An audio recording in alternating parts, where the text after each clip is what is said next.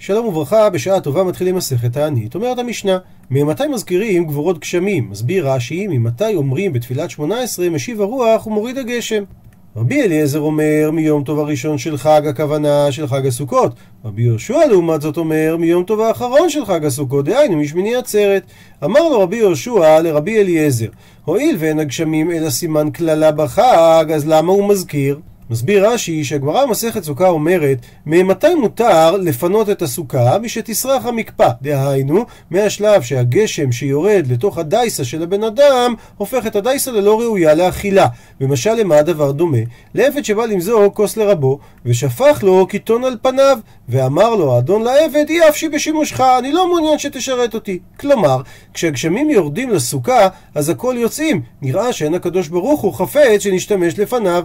אז אם כך כך, מדוע מתחילים להזכיר את גבורות גשמים בחג הסוכות? הרי זה נראה שהוא מתפלל שיבוא מטר בחג. ענה לו על כך, אמר לו רבי אליעזר, אף אני לא אמרתי לשאול, אלא להזכיר משיב הרוח ומוריד הגשם בעונתו. דהיינו, לא אמרתי שהוא יגיד בברכת השנים ב-18 תן טל ומטר. אלא אמרתי שמתחילים להזכיר בחג גבורות של ריבונו של עולם, שהוא מוריד את הגשמים, שזה מה שנקרא משיב הרוח ומוריד הגשם. אמר לו רבי יהושע לרבי אליעזר, אם כן, לעולם יהיה מזכיר. שהרי גבורות השם קיימות כל השנה, אז למה הוא פוסק בפסח מלהזכיר? ועד לכאן דיברה המשנה מתי מזכירים גבורות גשמים, עכשיו אומרת המשנה, אין שואלים את הגשמים, אלא סמוך לגשמים. והגמרא תסביר מה הכוונה ששואלים. רבי יהודה אומר, העובר לפני התיבה ביום טוב האחרון של חג, דהיינו בשמיני עצרת, האחרון מזכיר, הראשון אינו מזכיר. האחרון זה החזן של מוסף, הוא מתחיל להזכיר את הגשמים, אבל הראשון, דהיינו, החזן של שחרית, הוא לא מזכיר את הגשמים. וביום טוב הראשון של פסח, הראשון עדיין מזכיר, דהיינו, החזן של שחרית עדיין שואל את הגשמים, האחרון, החזן של מוסף, הוא כבר אינו מזכיר את הגשמים. ושואלת הגמרא, תנא, היכא קאי דקתני מאמתי? היכן התנא עומד שהוא שואל בתחילת המשנה מאמתי מזכירים גבורות גשמים? שהרי מזה שהוא אומר מאמתי זה אומר שפשוט לתנא שחייבים להזכיר גבורות גשמים אבל היכן מצינו שחייבים להזכיר?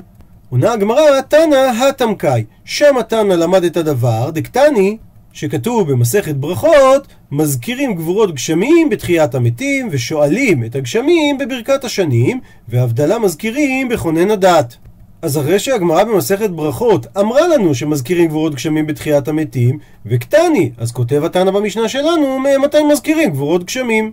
מקשה על כך הגמרא, וליטני האטם. אם המקור הוא במסכת ברכות, אז שישנה התנא במסכת ברכות סמוך לאותה משנה שאמרה מזכירים גבורות גשמים, שישאל ממתי עושים את זה. מה ישנה דשב כידך? מדוע הוא חיכה עד סדר מועד והוא לא שנה את המשנה בסדר זרעים? לכן מביאה הגמרא תשובה אחרת, אלא תנא מראש השנה סליק. המשנה שלנו היא בעצם המשך ממסכת ראש השנה. דתנן, שכך שנינו במסכת ראש השנה, ובחג, דהיינו בחג הסוכות, נידונים על המים. ואיידה דתנא, ואגב זה ששנינו ובחג נידונים על המים, תנא ממתי מזכירים גבורות גשמים. כי סובר התנא שהואיל ונידונים בחג על המים, שמע מינה שצריך להזכיר את עניין המים כדי לרצות על המים, שיבואו לברכה. ולכן, אמר התנא של המשנה, מאמתי מזכירים את זה? ושואלת עכשיו הגמרא שאלה לשונית, וליטני, ושישנה התנא, מאמתי מזכירים על הגשמים? מהי גבורות גשמים? מה המשמעות של לשון גבורות? עונה על כך, אמר רבי יוחנן, מפני שיורדים בגבורה, שנאמר, פסוק באיוב, עושה גדולות ואין חקר, נפלאות עד אין מספר. וכתיב בפסוק הבא אחריו, הנותן מטר על פני ארץ ושולח מים על פני חוצות. אז אנחנו רואים שנתינת המטר נקראת גדולות ונקראת נפלאות. ושואלת הגמרא, מהי משמע? איך מהפסוקים האלה הוכיח רבי יוחנן שירידת הגשם נקראת גבורות? עונה על כך, אמר רבא בר שילה, עטיה זה בא ונלמד בגזרה שווה מהמילים חקר חקר מבריאתו של עולם. כתיב האחה כתוב כאן בפסוק באיוב שהזכרנו, עושה גדולות עד אין חקר, וכתיב התם, וכתוב שם בתהילים לעניין בריאת העולם, הלא ידעת אם לא שמעת, אלוהי עולם אדוני, בורא קצות הארץ, לא יעף ולא ייגע אין חקר לתבונתו. אז כתוב את המילה חקר בגשמים, כתוב את המילה חקר בבריאתו של עולם, וכתיב, וכתוב בספר תהילים פסוק נוסף לעניין בריאת העולם, מכין הרים בכוחו נעזר בגבורה. אז כמו שבריאתו של עולם כתוב בגבורה, אז גם גשמים זה כאילו כתוב בזה גבורה. ממשיכה הגמרא ושואלת, ומנהלן דבתפילה, מהיכן למדנו שצריך להזכיר את הגבורות גשמים דווקא בתפילה? עונה הגמרא דתניא, שכך שנינו בברייתא, על הפסוק לאהבה את השם אלוהיכם ולעובדו בכל לבבכם, זוהי עבודה שהיא בלב, הווה אומר זו תפילה. וכתיב בתרי, ובפסוק אחריו כתוב, ונתתי מתר ארציכם בעיתו, יורה ומלקוש. וסמיכות הפסוקים מלמדת אותנו שמה שצריך להגיד בתפילה זה את השבח של מתר ארציכם בעיתו. ומימה נוספת אמר רבי יוחנן, ג' מפתחות בידו של הקדוש ברוך הוא שלא נמסרו ביד שליח. ואלו הן מפתח של גשמים ומפתח של חיה, דהיינו של יולדת, ומפתח של תחיית המתים. ושואל על כך תוספות, איך אתה אומר ששלושה מפתחות לא נמסרו לשליח? והרי למדנו בגמרא בסנהדרין שמפתח של הגשמים נמסר לאליהו. שהרי הוא גזר שלא יהיה גשם אלא על פי דברו, ואותו דבר מפתח של תחיית המתים נמסר לאליהו. שהרי הוא יחיה את הילד שמת, וכן לאלישע שגם הוא יחיה את הילד שמת. עונה על כך תוספות, יש לומר שמה שנאמר שלא נמסרו לשליח, הוא לא מתכוון שלא נמסרו מעולם לשליח. אלא הכוונה שהם לא נמסרו לשליח שהוא יהיה לעולם ממונה עליהם. שאלתו של תוספות כנראה גם הייתה קשה לרש"י, והוא הסביר שהם לא נמסרו לשליח אחד ביחד כל שלוש המפתחות. הוא מפרט רבי יוחנן, מפתח של גשמים דכתיב, יפתח השם לך את אוצרו הטוב את השמיים, לתת מתר ארצך בעיתו. אז מזה שכתוב יפתח השם, זה אומר שהמפתח נמצא ביד השם ולא ביד שליח. מפתח של חיה, והכוונה או לעניין ההיריון עצמו או לעניין הלידה, מניין שהוא נמצא בידו של הקדוש ברוך הוא, דכתיב ויזכור אלוהים את רחל וישמע אליה, אלוהים ויפתח את רחמה, הפכנו דף. ושוב, מזה שהתורה משתמשת בביטוי ויפתח את רחמה, זה אומר שיש פה מפתח שנמצא ביד השם.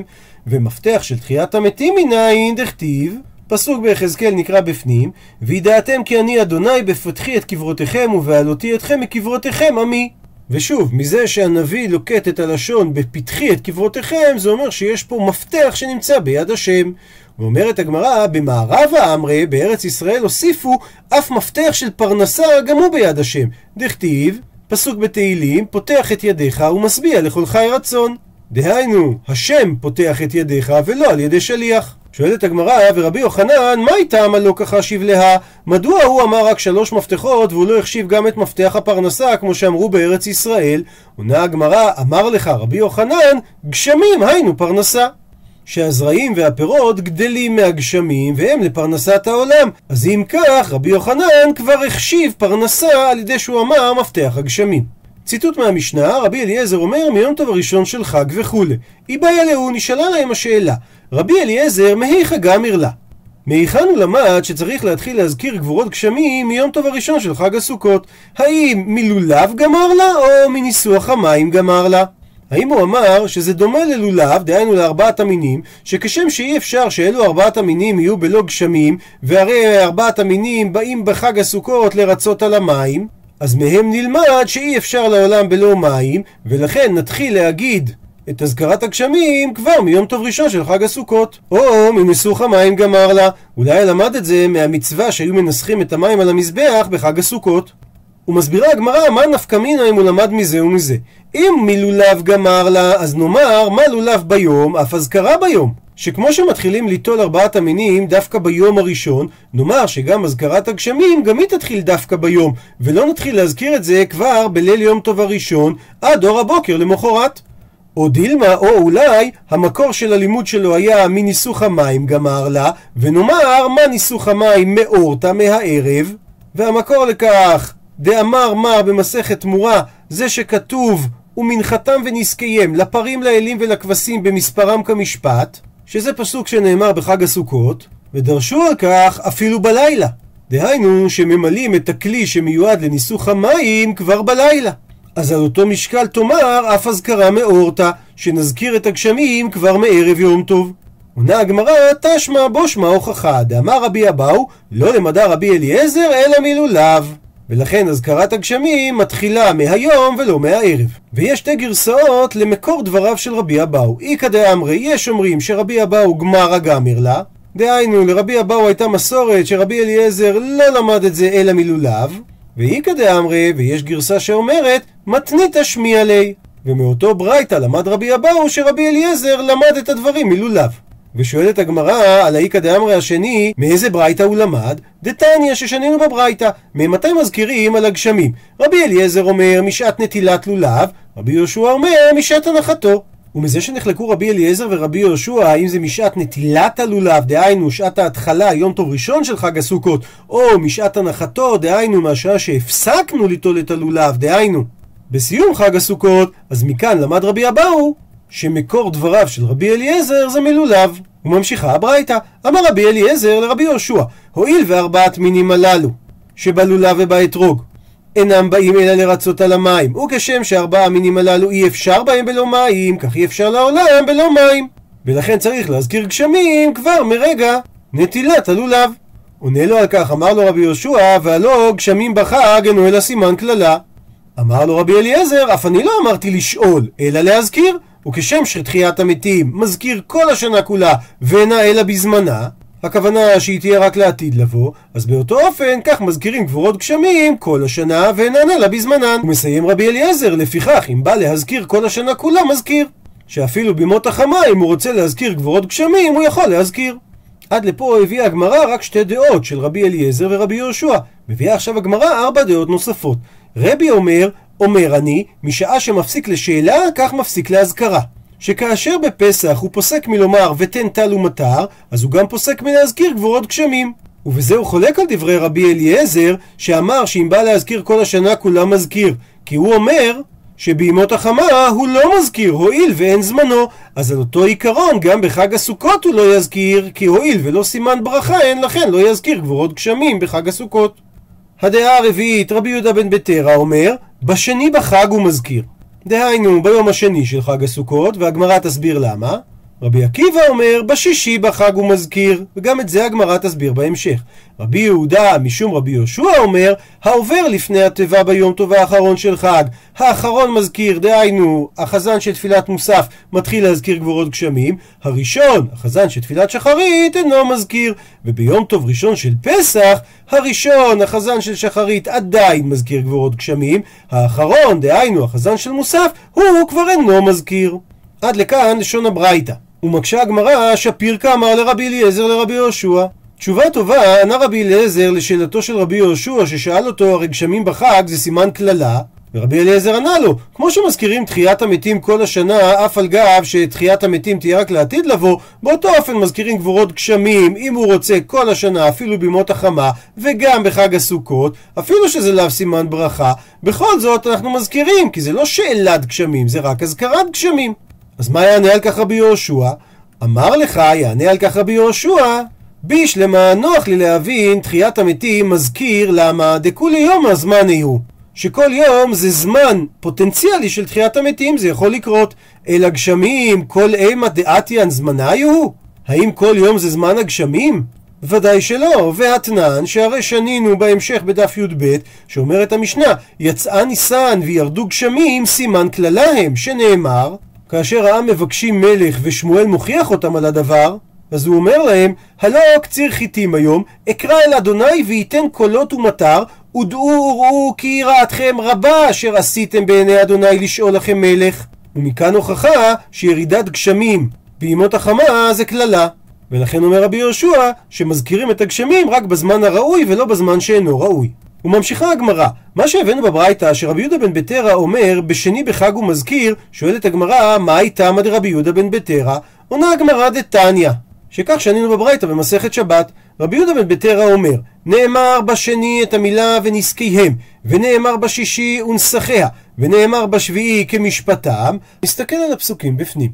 כשהתורה מתארת את הקורבנות בחג הסוכות, היא נוקטת לשון שדי חוזרת על עצמה מהיום השני עד היום השביעי. כאשר ביום השני כתוב ונזקיהם, אבל ביום השלישי, הרביעי והחמישי כתוב ונזקה. ביום השישי שוב יש הבדל ונסחיה, וביום השביעי שוב כתוב ונזקה. שינוי נוסף מופיע ביום השביעי, שבשאר הימים כתוב כמשפט, וביום השביעי כתוב כמשפטם. אז רבי יהודה בן בטרה לוקח את האותיות מ' מהמילה ונזקיהם, י' מהמילה ונסחיה, ושוב מ' מהמילה כמשפטם, הרי מ' י' מ', הרי כאן רמוזה המילה מים, אז מכאן רמז לניסוך המים מן התורה. שואלת הגמרא, ומה ישנה בשני דנקת? ולמה רבי יהודה בן בטרה אמר שמזכירים דווקא בשני בחג? עונה הגמרא, דכי רמיזה להו בקרא בשני ודרמיזי. הרמז של האותיות מ' י' מ' שיוצרים את המילה מים מתחיל ביום השני. הילקח, ולכן בשני מדקרינן. בשני אמר רבי יהודה בן בטרה שמתחילים להזכיר את גבורות גשמים.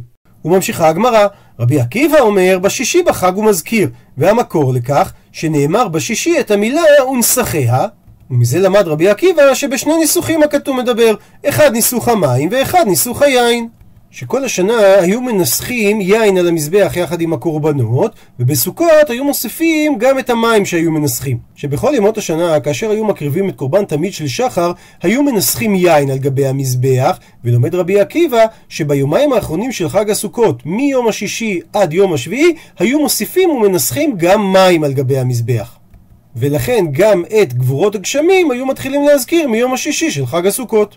אבל לכאורה, כמו שביום השישי כתוב ונסחיה בלשון רבים, הרי גם ביום השני כתוב ונזקיהם שזה בלשון רבים. אז למה לומד רבי עקיבא דווקא מהמילה שביום השישי ולא מהמילה שביום השני? עונה על כך רש"י, שדווקא המילה ונסחיה ניתן לפרש אותה ששני ניסוחים על קורבן אחד.